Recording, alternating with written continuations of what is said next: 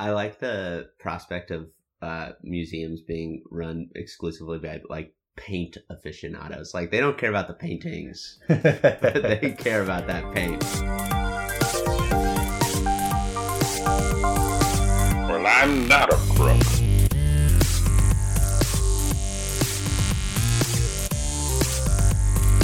Because they are. Welcome to Presidential Deathmatch, the only presidential debates that matter. Today's headlines The Last Puritan, Reading is the First Hurdle, and Party at Sam Adams' Grave. Today we discuss who would make the better host, Stephen Douglas or Samuel Adams.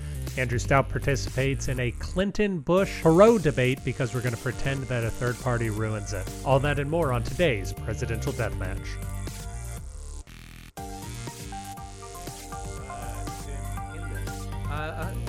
Hey, everybody. We, we usually try to start it a more elegant way, but that, that's not happening today. Uh, you you're not hearing a very strangely pitched echo, ladies and gentlemen. what we are today.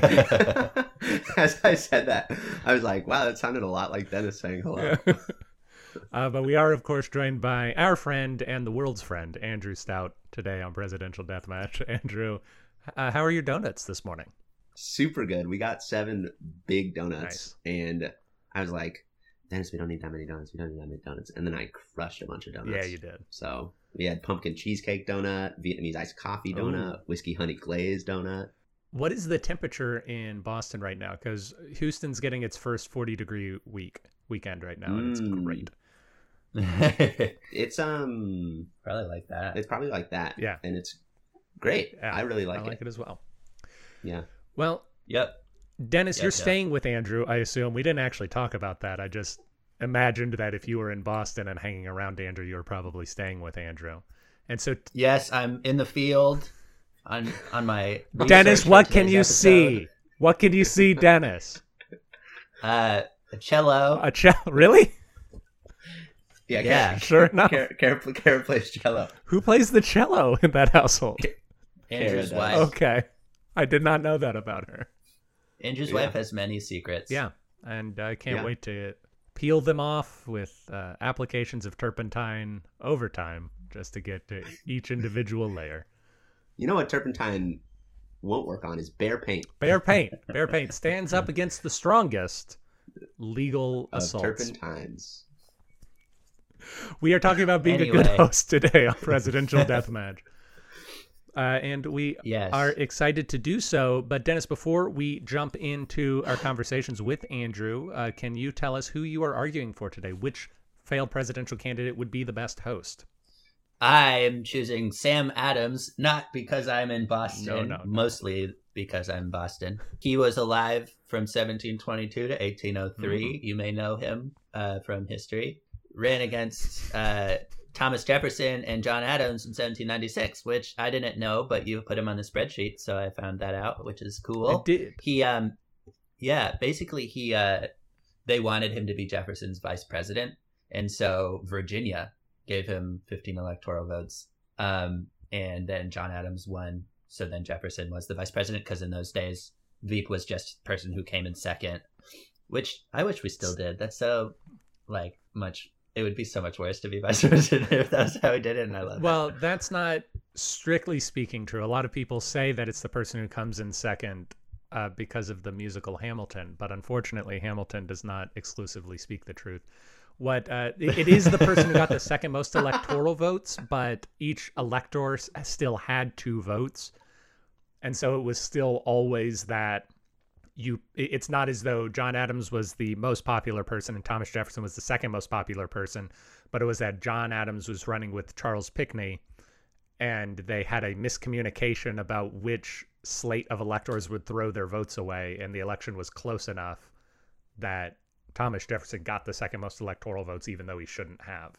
And that is ultimately why we got the 12th amendment, which is why there are so many people in those first 3 elections that you never knew ran for president because they didn't really. Running for president was a very different thing back then. Mm, interesting I, yeah, I have this musical you should see because it actually tells a different story. Oh, yeah? and I think that you'll yeah, I think you'll find that maybe your facts aren't Mm.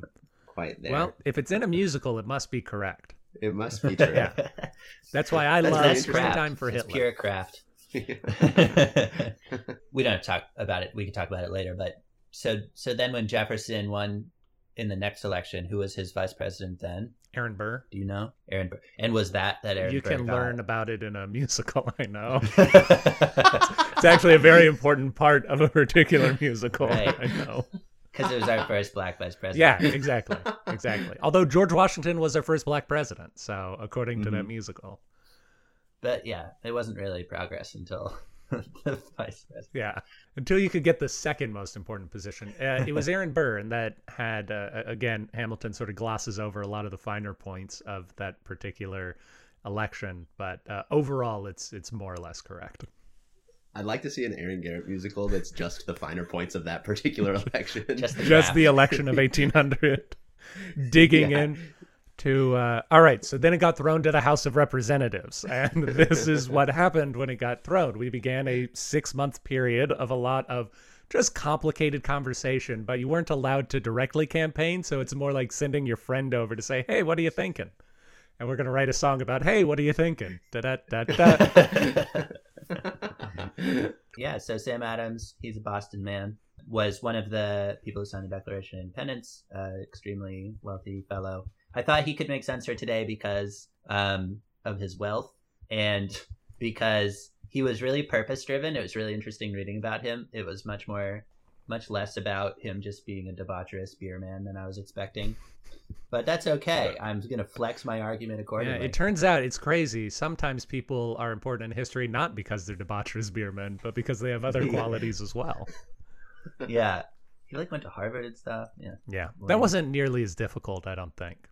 You had Yeah, to learn how to that's why I had to read. That was the first hurdle. Uh, and Still the first hurdle. Today. Well, the first hurdle was that no, he I think the of- first hurdle today is being born into a good family.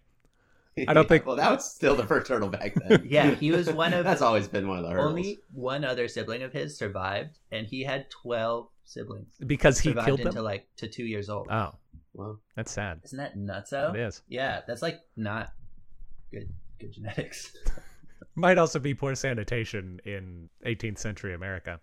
But I am discussing Stephen Arnold Douglas, who you may recognize from the Douglas Lincoln debates or the Lincoln Douglas debates, depending on whether or not you're. hey uh, Arnold. yeah, also Stephen Arnold Douglas Douglas was the uh, main character in Hey Arnold. Hey. hey, football head. Uh, it's an Abe Lincoln original. he was alive between 1813 and 1861, which means Abraham Lincoln's life just sort of bookended his on three two years on each side or so. Mm. That's actually why Hey Arnold's best friend has the Lincoln hat Mhm. haircut. Yeah. it's actually It's a really very complicated-. Yeah. He ran against Abraham Lincoln in 1860, although he sought the Democratic nomination several times before then. He he sought it when Franklin Pierce won, and he sought it when James Buchanan won. And he said, "1860's my year. The Democrats have won the last two elections. Surely America will vote us through a third time." Uh, he primarily ran because he wanted to be president. He was just one of those guys, sort of a Ted Kennedy style, who wanted to be president and have a great answer as to why he should be. But he was uh, in the same sort of Henry Clay way. He was a very bombastic speaker. He was uh, very connected. He had a lot of good ideas. And I think he's a good host mostly because he, he wants to make sure everyone's taken care of and he's got a lot of uh, interests. He's he's got good ways to make you interested in what he's interested in. He was good at getting his way, but he was also good at facilitating opportunities for different people, which helped him uh, get along in in politics. Sorry, we didn't have nearly as many diversions from the topic uh, during my discussion as we did with Dennis. I assume it's because Dennis is much more respectful and doesn't interrupt as much as I do. Yeah, it's because I don't have a lot of historical context to add to your description. we we kind of we reached the bottom of our barrel with the Hey Arnold. I literally- our only reference was the name. Well, In the my- kid on the stoop. I've never seen Hey Arnold, but my wife talks about it a lot. Uh, let's say he's James Buchanan. That seems like a good position for James Buchanan to have. Uh, and Andrew, you're arguing for Andrew Stout, I believe. yeah, yeah, which I learned about today, and I was a little bit overwhelmed because I I had to do some serious research about myself really quickly. Yeah. But what I was able to find is that my name is Andrew Stout. Um, I was born in 1992. and I will die. I'm not totally sure when. Yeah, Um, much like John Kerry, you're still with us. I'm still with us, and I've beat out eleven Adamses. so I'm doing. I'm feeling pretty good. When I ran for president, so I uh, I ran for president twice. Oh, I ran for high school student body president in 2010, Mhm. uh, and I won. Um, I never. You're doing that. better than Yeah. Stephen Douglas so far. Yeah, and then I ran for Baker College president in 2014, and I and I also won. So, um, and that's I think kind of the limits. I, I don't want to fly fly too close to the sun here. Mm-hmm. I think my pr- political career is, is done. It would be scary to run when you have that track record. Yeah, so far. Because you wouldn't want to. Uh, 'Cause yeah, you can end up like a regular myself Mark Sanford. A joke I'm not going to explain in any more detail than that. um, and then yeah, so why I ran, um, like you know the reason any good presidential candidate runs, like kind of peer pressure, um, sort of like a sense of expectations. I think in high school, you know, it's I was really aware that like there was a degree of it being a popularity contest, and I and I had some like insecurities I needed to deal with by trying to win this popularity contest. Um, I also liked making like like trying to make funny flyers to put around the school, so that was kind You? of a cool outlet for me. Mhm. Crazy. yeah. And then So this is virtually the exact same as Stephen. yeah, Douglas it, is it, it does what I'm seem, except that you were successful in becoming Yeah. president. Stephen Douglas was In- not. in he liked making funny office. signs in the Senate. yeah, yeah, exactly. And that's why he'll never go down in history as one of the greats. Whereas I have a plaque. You have already done so. um, yeah. And my relevance, I think, to this debate. Um, so I'm I'm actively hosting right now, which I I believe I'm not hundred percent sure, but I believe neither of the other contestants can boast. I believe that is true. Stephen Douglas did not get back to me, and Sam Yeah. Adams just sent back an email that said farts. there is a I, I could make an argument that he's actively hosting, but I'll save it for Please do. the debate. um, and I think uh, so. We I, I really like to go above and beyond. So last night when I was inflating Dennis and Carolyn's air mattress, um, we noticed a hole in the air Mhm. mattress, and instead of just pulling a Douglas or an Adams and saying whatever, sleep on the ground, we we got um, duct tape. And when I say got, I mean we just found our duct tape. We didn't buy duct Right, tape. because We you were bought already tape. But- prepared. but it's because we were prepared Yeah. and we and we patched the hole. So um, that's just you know I have a bunch of other examples, uh, but that's just kind of one. Yeah, please save them for the debate example. itself. Uh, Yeah, but yeah. but uh, Andrew, I know that Dennis and Carolyn transported uh, great expense and danger to Boston, uh, the retraction box. Yes. So so if Mhm. you could just. Uh, it took up so much room that I didn't have room for a podcast mic. but it, you've got priorities. That's the word I'm looking for. Priorities. But uh, Andrew, if you could uh, please describe the retraction box for for us. Yeah, yeah. So um, it's this kind of like big wooden uh, box, and it's it's one of those things where where you need like um like it's got a hundred locks, and so I spent all morning. I woke up early and I spent all morning unlocking um the box, and it's yeah, it's like a you know it's a nice dark deep wood dinged up uh, from its travels, uh, heavy iron latches, and um, it says retractions on it in crayon. Um, What color crayon? what color crayon? It's like a red crayon. Yeah, yeah. on But it- dark wood. yeah. That's, that's an esthetic I think that's an up and coming aesthetic. dark red on dark brown. Dark, Dark crayon, crayon on specifically. dark brown wood. yeah, Because it's it's the materials is where the craft Yeah. is, you know. yeah, exactly. We may not want to Um, lean on that because that is all getting cut out of this episode. Oh, Like that that's not going to be part of the episode, the discussion we had beforehand. Yeah, I was actually it? I was thinking of describing the box as non fungible, but then I thought I don't know if that's making it into the episode. Yeah, and so I can open the box. If you I, like. I would love it because you you could. spent all morning unlocking Yeah. it. Yeah, yeah, so- yeah. So it's unlocked. Uh, so I'll just. There's a cat inside the box. Get that cat out of there. Well, thank you so much for braving that retraction box. We really appreciate it. yeah. Dennis, Anyway. Oh, and wait, what's this? What? Inside Uh-oh. we another another, another box. box. Be careful with that box. Okay. That box is for Kara's eyes only. Okay. okay. Oh yeah, under the second box are the Yeah, retractions. okay. there we go. Dennis, you've got a note here about 18th century musicals. I in the last episode you were describing uh, Martin Van Buren in in Bloody Bloody Andrew Jackson, and I was trying to guess the musical, and I said, "Is it from? Is he from the 18th century?" And you thought I meant the musical, and you said, "No, it's a pretty recent musical." Yeah. And I thought to myself. Only Aaron Garrett would think that maybe I was asking not about whether the person was a president from the 18th century, but whether the musical was within my internal musical backlog from the 18th century.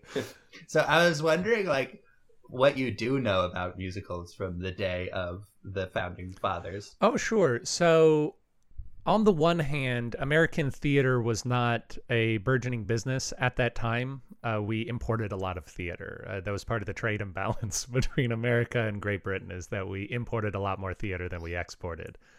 It was really a war about soft power. Strictly speaking, the musical as we know it didn't come to exist until 1920 or so with the musical Showboat, which was the first musical that tried to, it was the first stage show that tried to incorporate the songs into its plot. And then it wasn't until uh, about 10 years later with Oklahoma, or it might have been two years later, I don't actually know. Oklahoma would have been the first musical that tried to not be bad, tried to be uh, good. Yeah. I was, I was going to say, I, I, I really definitely noticed that Showboat was the first play that tried to incorporate Yeah. songs into itself. So, i- in a lot of ways, there wouldn't have been musicals during the founding fathers' days as we knew them, but there would have been revues, R E V U E S, uh, that were songs and skits and uh, lewd dancing, etc. Uh, almost certainly, John Adams wouldn't have been caught dead at something like that. Sam Adams tried to ban theaters from Boston. Yeah, that's not entirely surprising. Really? Yeah, Theaters fun. are there's a great book called A Renegade's History to the United States, and that the author's view is that uh, America isn't a fight between say conservative and liberals or the left and the right, but between prudes and Art and craft. yeah, between art and craft. A joke that's getting cut out, but we're bringing it back. We're slowly going to sew it into it. Uh, but between prudes and free spirits, essentially. And so he Puritans and witches. yeah, also true. so he talks a lot about how theaters, a lot of theaters were banned, and he also had a lot of fun things in there, like how in John Adams' day, if he walked from his house in Philadelphia to the Second Continental Congress, he had to pass a lot of brothels, and how annoyed he must have been about that. Uh, and Oh. how And then he'd write a bunch of letters to also him. in that same uh, same time span there were enough bars in New York City that everyone in New York City could be in a bar at the same time, Oh my gosh. Awesome, which is That's pretty fun. awesome. Wow, that's wild. Still possible. Yeah, yeah, yeah. Yeah, yeah, yeah. They uh, they're big on population density there on that island. Dennis, we appeared on the Ginger on Ginger podcast. We, yeah. we I really enjoyed it. I assume you really enjoyed it, and I hope they really Yeah. enjoyed it as well. But uh, we said we didn't know when it was going to go out. Turns out immediately it went out the Yeah. night we recorded it. And I have to say, I really Yeah. appreciate how Ginger on Ginger doesn't need to do any research. Uh, it makes it seems Yeah. to make their process much simpler. Uh, that they don't Mhm. have to do research and they don't record an hour and a half of material that they then try to whittle down to 50 minutes. Yeah, I thought like I was surprised at how smooth it was to do and how cl- how similar the product was to the recording. I felt a lot of pressure to try to tell good stories, Mhm. and I'd give myself maybe a six, six out of ten on that. but I'd do better next time. But it wasn't bad. No, I liked it. So if you're looking to kill some time, check out. Check out an Ginger episode of Ginger on Ginger. Ginger. And then if you don't like that one, listen to the one before it because that one was Yes. very good. Yeah, most of we both just spent a lot of time on. Well, we were on recommending the previous episode to people. nice. I decided on this comedy podcast to really explore my sadness at growing old. Mm, And I'd say that's kind of. I'm not surprised. yeah. I actually think I'm going to spend uh, a lot of this podcast recommending this podcast, this episode Ooh. of this podcast to our listeners out there. I really What do you like You tune a lot about this episode. I really loved uh, the bit we had about 25 seconds Mhm. ago about uh, the Ginger on Ginger. Yeah, that was a podcast. good So to our listeners, I recommend sort of a quick double tap on that rewind Mhm. button. I liked Um, all the art versus craft stuff. I really loved the in-depth discussion of art versus Yeah. craft. Dennis, last week I mentioned that I was going to begin reading a book, but I couldn't remember what the author's name was. That book is The Scout Mindset by Julia Galef. Uh, so far, it's a quite good book, and I hope we, we may do an episode on it later on when I when I finish it, because it's about how how can you train yourself to look for the truth instead of looking for things that support what you already believe to be true Hmm. which I think is uh, not only a very useful skill in life, but also a vitally important skill for our politicians and the people who govern yeah. us. Yeah, interesting.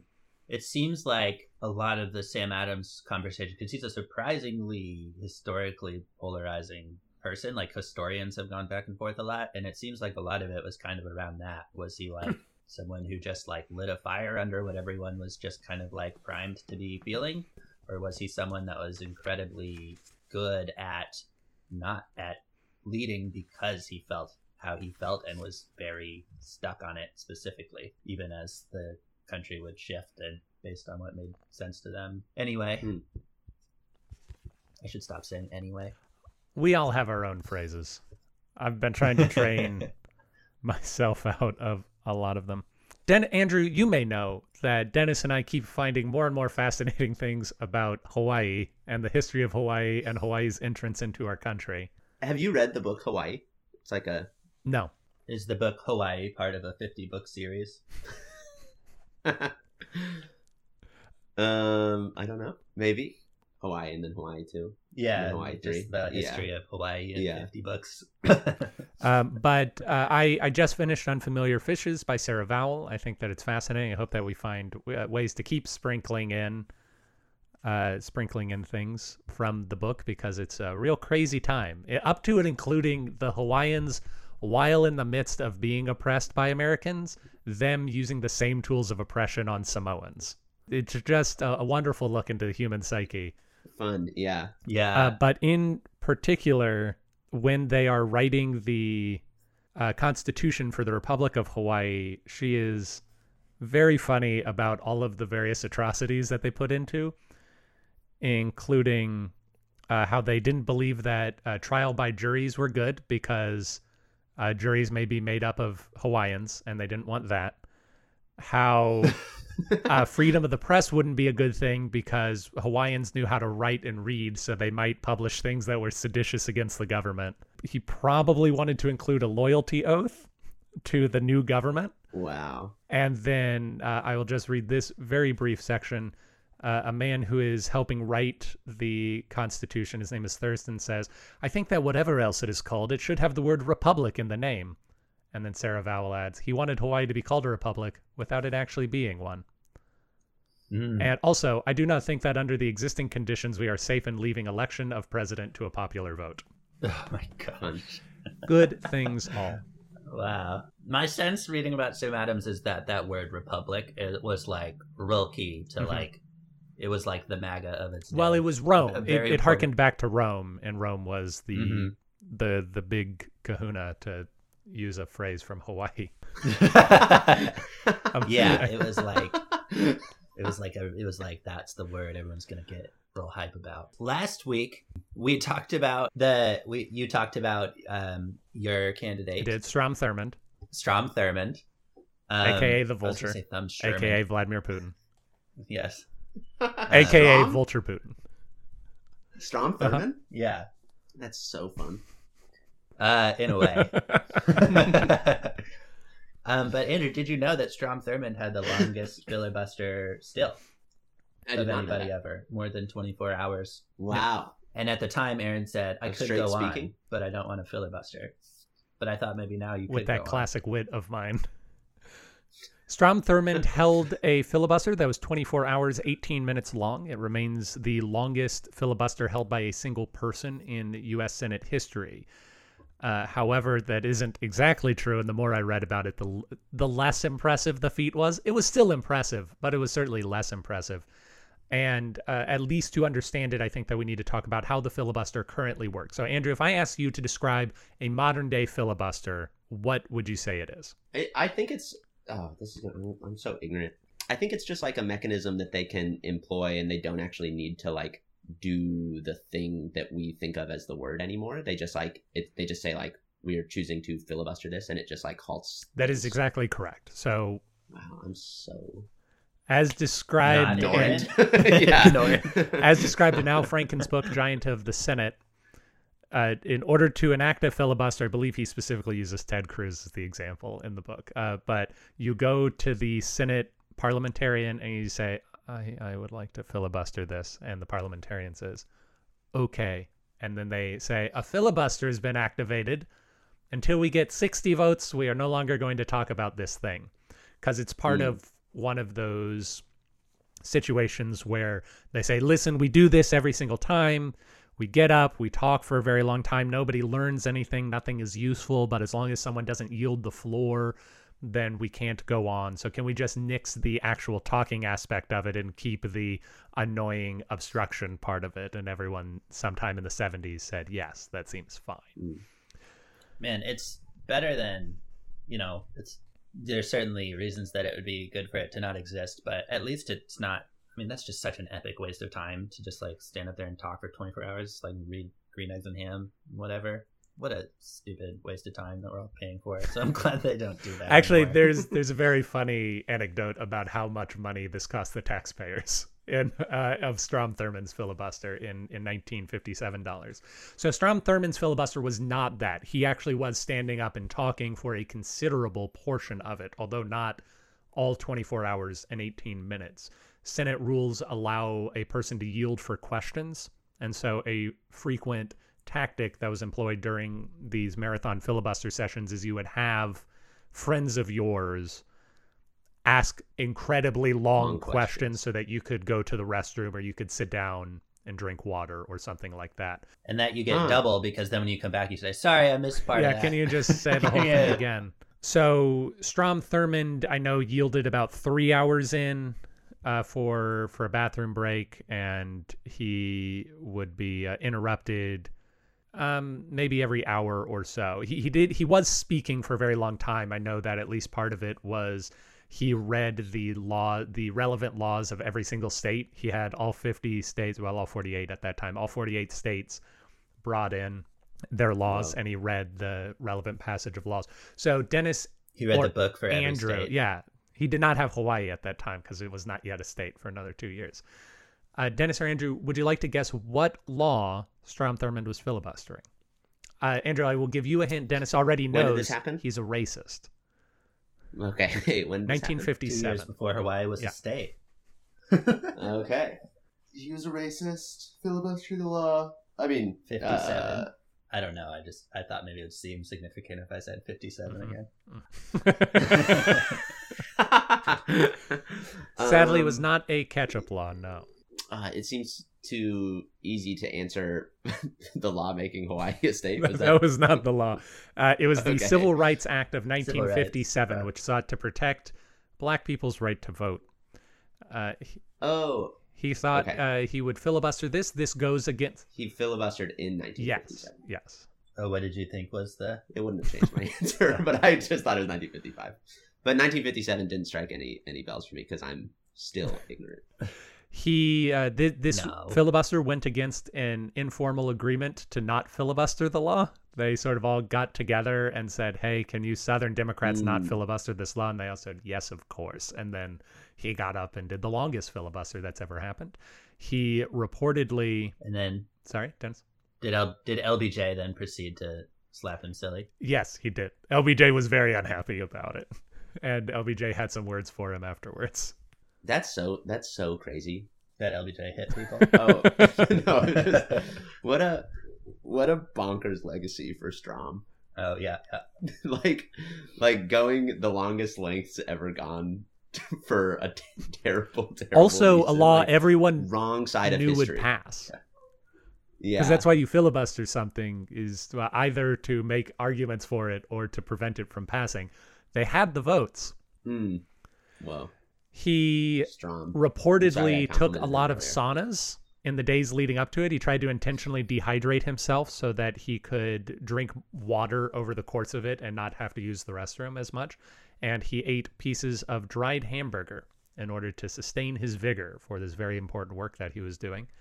It was reported later Whoa. the congressional record, which you know takes uh, takes track of all of the words spoken in the Senate, came out to 84 pages and cost uh, taxpayers six thousand dollars in printing. Uh, six thousand dollars. I'm gonna look at a quick inflation calendar. Uh, I think it's like 35 billion. yeah, right? that's got to be it. Uh, but but Strom Thurmond, a man who believes strongly in his principles and his principles Strongly. strongly that is correct strongly in his principles and his principles aren't that good. Yeah.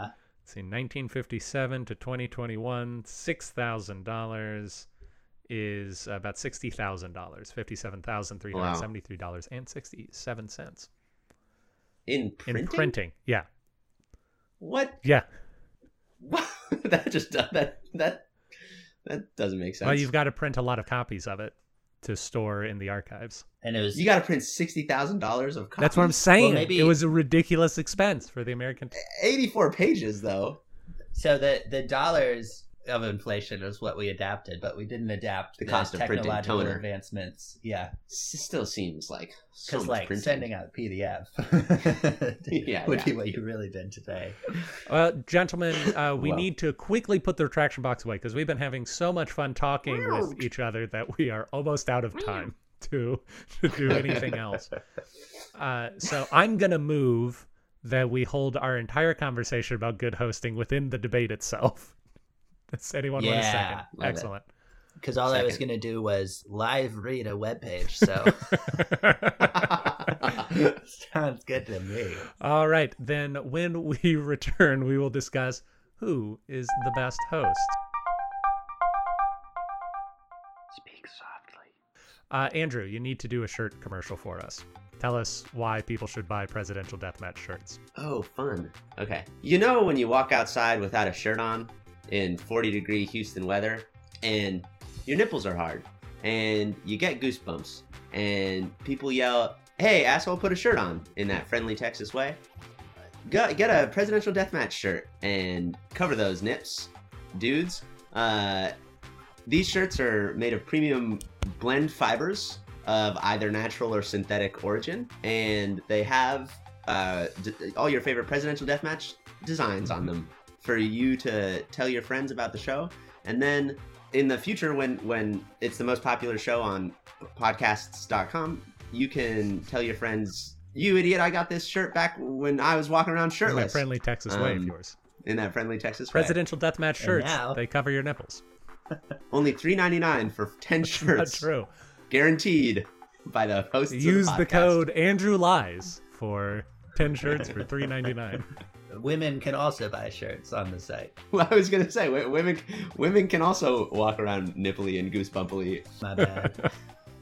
it just seemed like a and that's the divide in America. Dennis the prude versus Aaron and Andrew the enlightened Witches. debauches.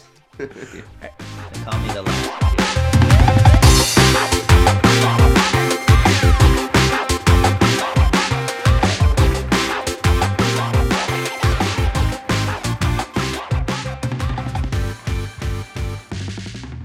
Okay, we are back. We are going to discuss which failed presidential candidate or successful president Baker presidential candidate in the case of Andrew Stout uh, would make the best host. Dennis, we are going to begin with you. Please tell us why Sam Adams would be the best presidential uh, best host. Son of a bitch. Yeah. so the first key to being a good host is to get people excited about the event beforehand, get them invested, uh, or in, in the act of being of being a guest. And I think he was really good about that because uh, he was really known for rallying the people up and getting them hype uh, about the cause. Um, one example being when the Boston Massacre happened, he had the victims buried in his personal plot, and he was like the one of the most famous people. He was super wealthy and everything, so it was a really big deal. One of the people was a freed slave, and the other were peasants. So it was a really people were actually kind of upset. Even then, when they had the funeral, everyone came, and it got everyone really rallied up around the Boston Massacre. And then he commissioned a drawing of it that was blown way out of proportion and made it seem way worse. And that's still the drawing we see in textbooks, and part of the reason it's such a famous event. And that's why I said, in a way, he's still hosting today because his grave plot is hosting uh, some guests. He also, I think, is really purpose driven and really like the republicanism and the you know like the Jeffersonian uh, each person democracy kind of thing, anti federalist, uh, is something that he really championed. And it and I think that comes down to making sure is valuing your guests more than your own ability to throw a party. And I think that's what makes a good or, or a party or or a, an event, and that's what makes guests feel really appreciated is when you put them above yourself. And also, I think he really cared more about the people liking him than most other things, uh, in a similar you know tone an example being he was a tax collector and he just didn't collect taxes from a bunch of people because he didn't feel like it. Uh, and then everyone liked him, and he was a really successful politician. so that those are my main reasons. So I want to find that last one. Do you think that his desire to be liked, so his desire to be liked got in the way of collecting taxes for his municipality, which almost certainly hurt people down the line? Do you think that his desire to be liked is going to make him too much of an overbearing host, someone who keeps kind of getting in your face about things or or keep saying, "Hey, you want to go do something?" Really, you just want a night in to read? I think it could end up that way, but I think that a lot of the times those are the things where they they end up really serving your purpose of being hosted better than you realized. Uh, you're like, oh, man, I don't I don't feel like going out. I feel like staying in, and then you go out and you're like, it was the greatest night of my life. I think that's what Sam Adams brings to the table. Weird tangent, if You I may. It's see, I read that historians have gone back and forth on whether he's Samuel Adams or Sam Adams, and that people are like, yeah, this dude calls him Sam in his whole book, and it's like, and then says he's the worst, and it's rude. But he signed the Declaration of Independence as Sam Adams. Yeah, that's probably because So he I'm cared like- about conservation of space, unlike John Hancock. Mm. Yeah, and I mean the price of printing in those Yeah, days. can you even imagine? Because they had to even print that sucker three times. That probably cost taxpayers about one million dollars in 1776 money. Yeah, So him abbreviating his name is the reason he didn't have to collect taxes from as many people. Andrew, do you have a Mm. question about Sam Adams? Well, I'm curious. I'm, I'm I think I'm gonna kind of push back a little bit on uh, whether or not he's really act playing host at his grave, um, and just you know, like what sort of experience is he gonna give you when you visit his grave? What's he gonna do to pull out the Mhm. stops? How are you gonna feel welcome at his grave?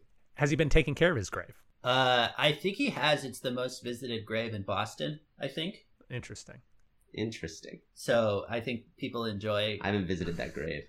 Still feel hosted by it. We could go How frequently do you visit graves in Boston, Andrew? Oh, I have visited that grave. In a graveyard with lots of graves, including John Hancock's grave, that he's which takes much more space. Because it was his property. Oh, I, I totally missed that part. That's pretty cool.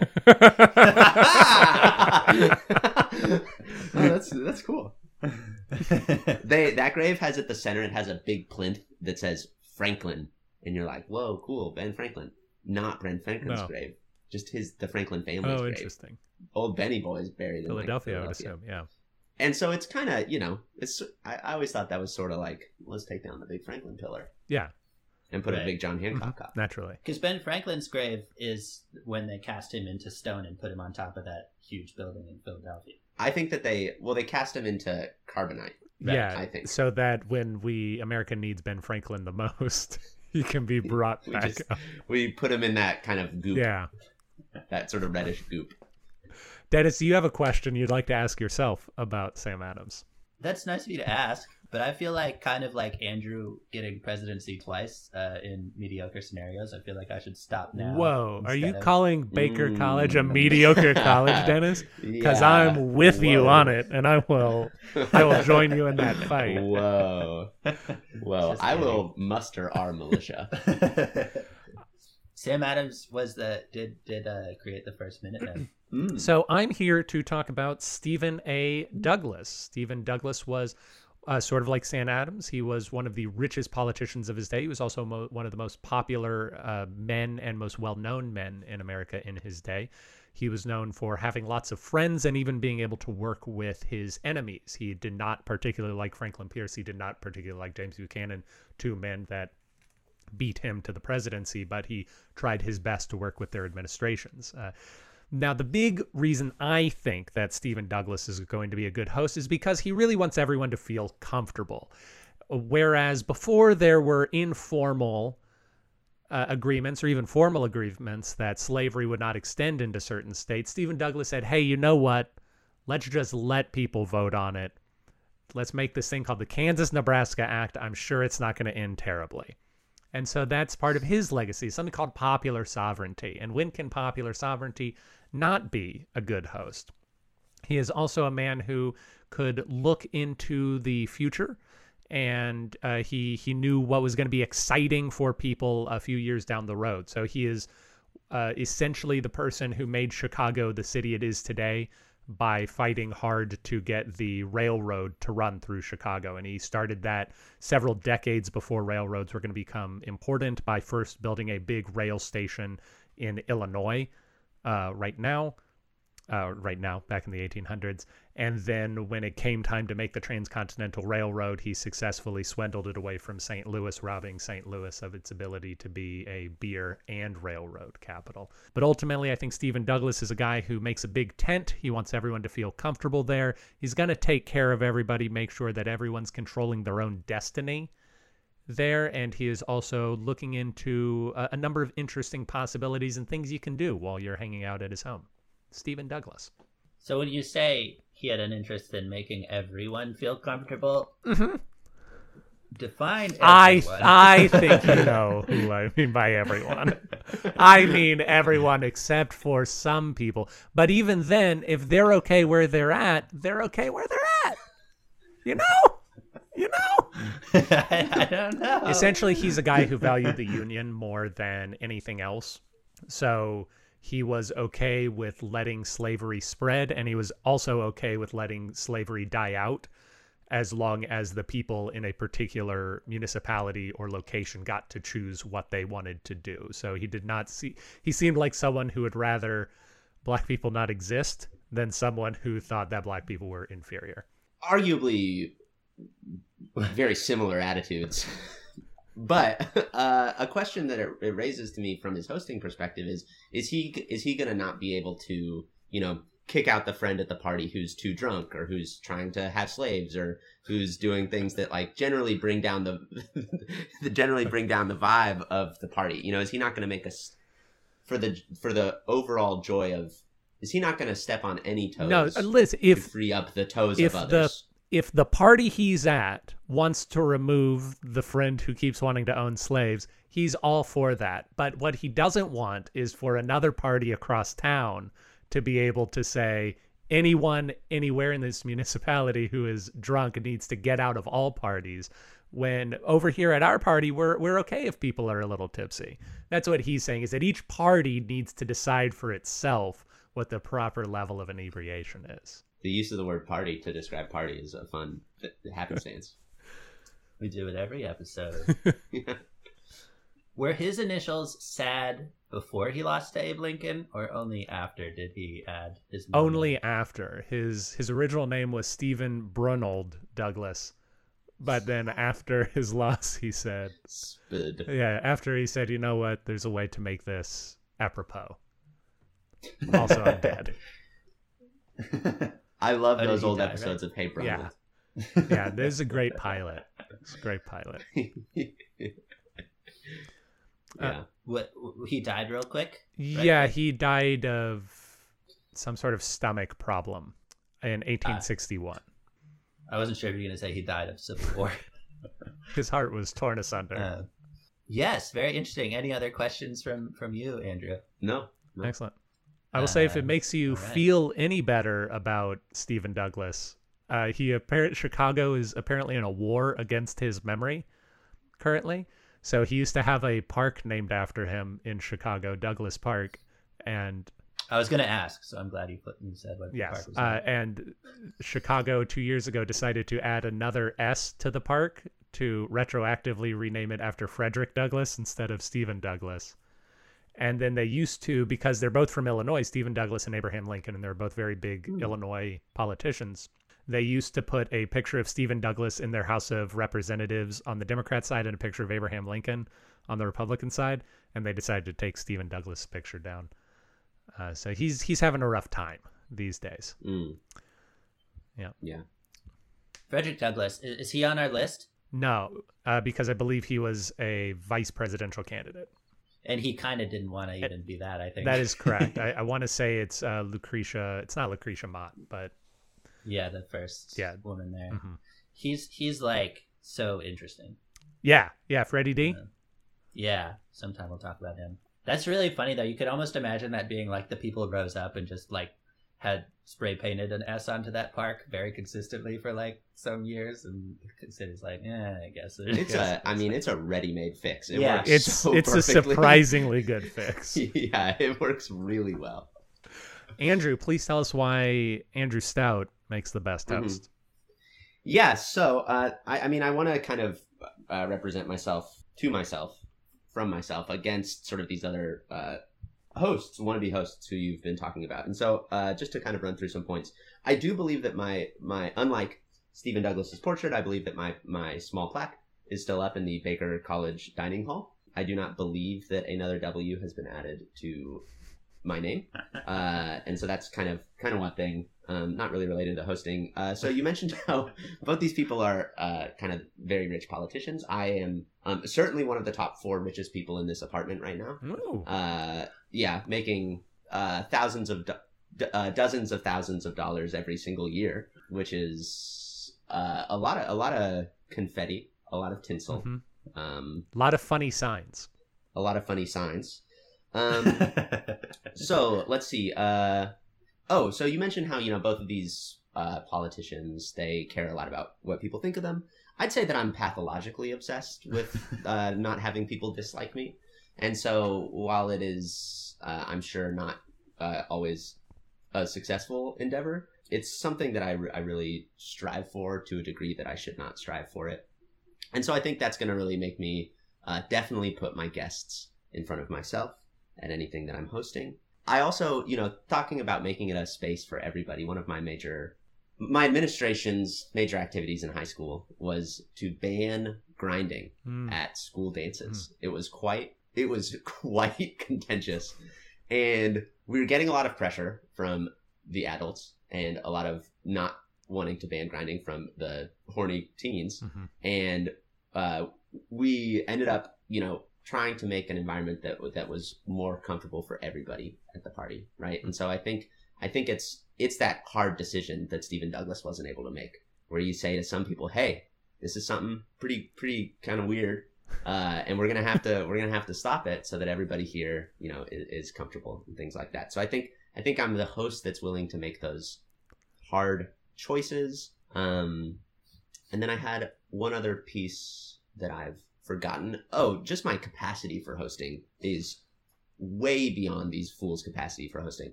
We have a refrigerator. Mhm. Uh, we have a bidet. You have Um, electricity, if I'm not mistaken. we have electricity. a cello. Uh, we have a cello with steel strings. Oh. Those people will only offer you gut strings on their uh, string instruments. And so I just think that, you know, you're coming to my place and you're going to have a better, more comfortable time than at that graveyard. Um, So you are willing to say on the record that your apartment is more comfortable than a graveyard. I am willing to say it on the record to thousands of viewers Hmm.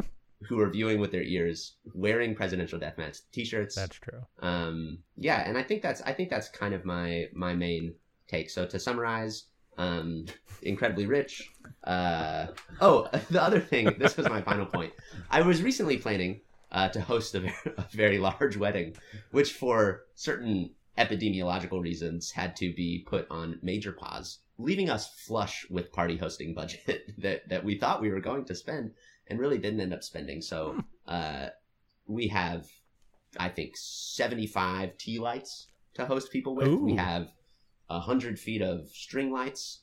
We have kind of all the bells and bobs that you Yeah. could ever want for hosting a These very consumable Wedding. goods. Turkish towels. Yeah.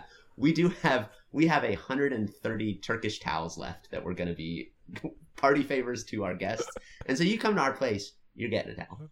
That's good to know. That's the long and short of it. It's really nice. Instead of blankets, they just gave us Turkish towels. That's a lie. These are quality blankets. These are quality blankets. And we gave you the flannel sheets because it's cold. I'm saying Dennis is a lie. I understand. We need to get to, to some hard questions. Uh, Andrew, I want to I want to go back to your time as president of your high school. Now, you said that you were looking for a solution that could please everyone. I want to ask what the horny teenagers got. If grinding was banned, what was the compromise that came to, or did you just kowtow to the adults in the room? Well, what they got was otherwise like all all dances were going to be canceled. Oh, okay. So a Um, very Neville so still Chamberlain got- kind of negotiation. They got a party. Yeah, yeah, yeah. There was not much, but but it was also it, um it was a pretty fun act because it it was like to ban it. Um, it was like a real taste of power.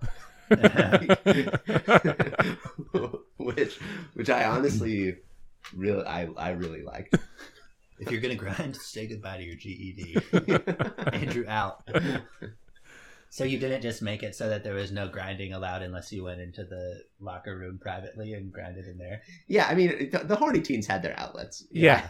They found they found their ways, uh, but I'm just saying that Probably. as you were essentially a puppet of the adults in the room, uh, but but you were imbued with such power. No, no, you- it was we were never given that ultimatum of either this happens or we don't have dances. But you could we, as You Stephen created that Douglas did, we we saw into the future. We saw the way the winds were going, Mm. and everything was getting more tense. Uh, there were fewer and fewer dances because of the grinding issue. oh, interesting. And ultimately, I will say, grinding is a is an extremely boring way to dance, and fast dancing with a lot of footwork is way more fun. And I feel a little bit weird that I'm like defending my policies as a as a high school student body president, but I will say that the subsequent dance after grinding was banned. We got all this pushback. I, I went to war on Facebook, and we got all this pushback uh, people saying like this dance is gonna suck i'm not going like yada yada yada most attended dance in the time i had been at the school our numbers beat all the past dances numbers Fifty chaperones came. It was so fun. What was the dance called? oh it was our uh it was our semi Semi. I don't know what that means. like the semi uh it was I like- wasn't a rich like- kid, Andrew. So I, I need you to explain your fancy private school You also dance lingo to Didn't me. go to school. there were there were two there were like two dances there was prom at the end of the year and then there was semi at the like it was called semi formal at the end of the first semester Formerly known as the Grindathon 3000. Grind, Grandmaster, Grandmaster Grindathon. I can't believe they're going to Grindathon. Now it's just called semi-formal dance. Well, gentlemen, I can hear that a guest has arrived in my home, so I will have to leave. In the interest Wow. of being a good host. Indeed. yeah, I was going to say that sounds like a fake plug. Unlike Stephen Douglas, Secret fourth candidate, Aaron J. Garrett. Dark Horse coming in. Andrew, it is always a pleasure to speak to you. Such a Uh, if anyone is ever at Tufts, please scream loudly for Andrew Stout until uh, someone escorts you to him. I, I arrive. Yes, please do. Andrew! Andrew J. Stout! And for all of you people out out there listening, please cover your nipples and buy a shirt at pronoiatheater.com slash store.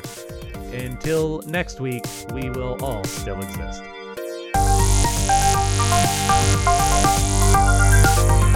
Thank you for listening to Presidential Deathmatch. Presidential Deathmatch is a production of Pronoia Theater. You can find more out about us at pronoiatheater.com. This program was edited by Aaron Garrett with music by Dennis Buddy and hosted by those same two lovable goofballs. You can always email us at contact at pronoiatheater.com. If you enjoyed the program, we ask that you rate and review wherever it is you found us. It really helps us out. And if you didn't like the program, why don't you stick around? We really grow on you.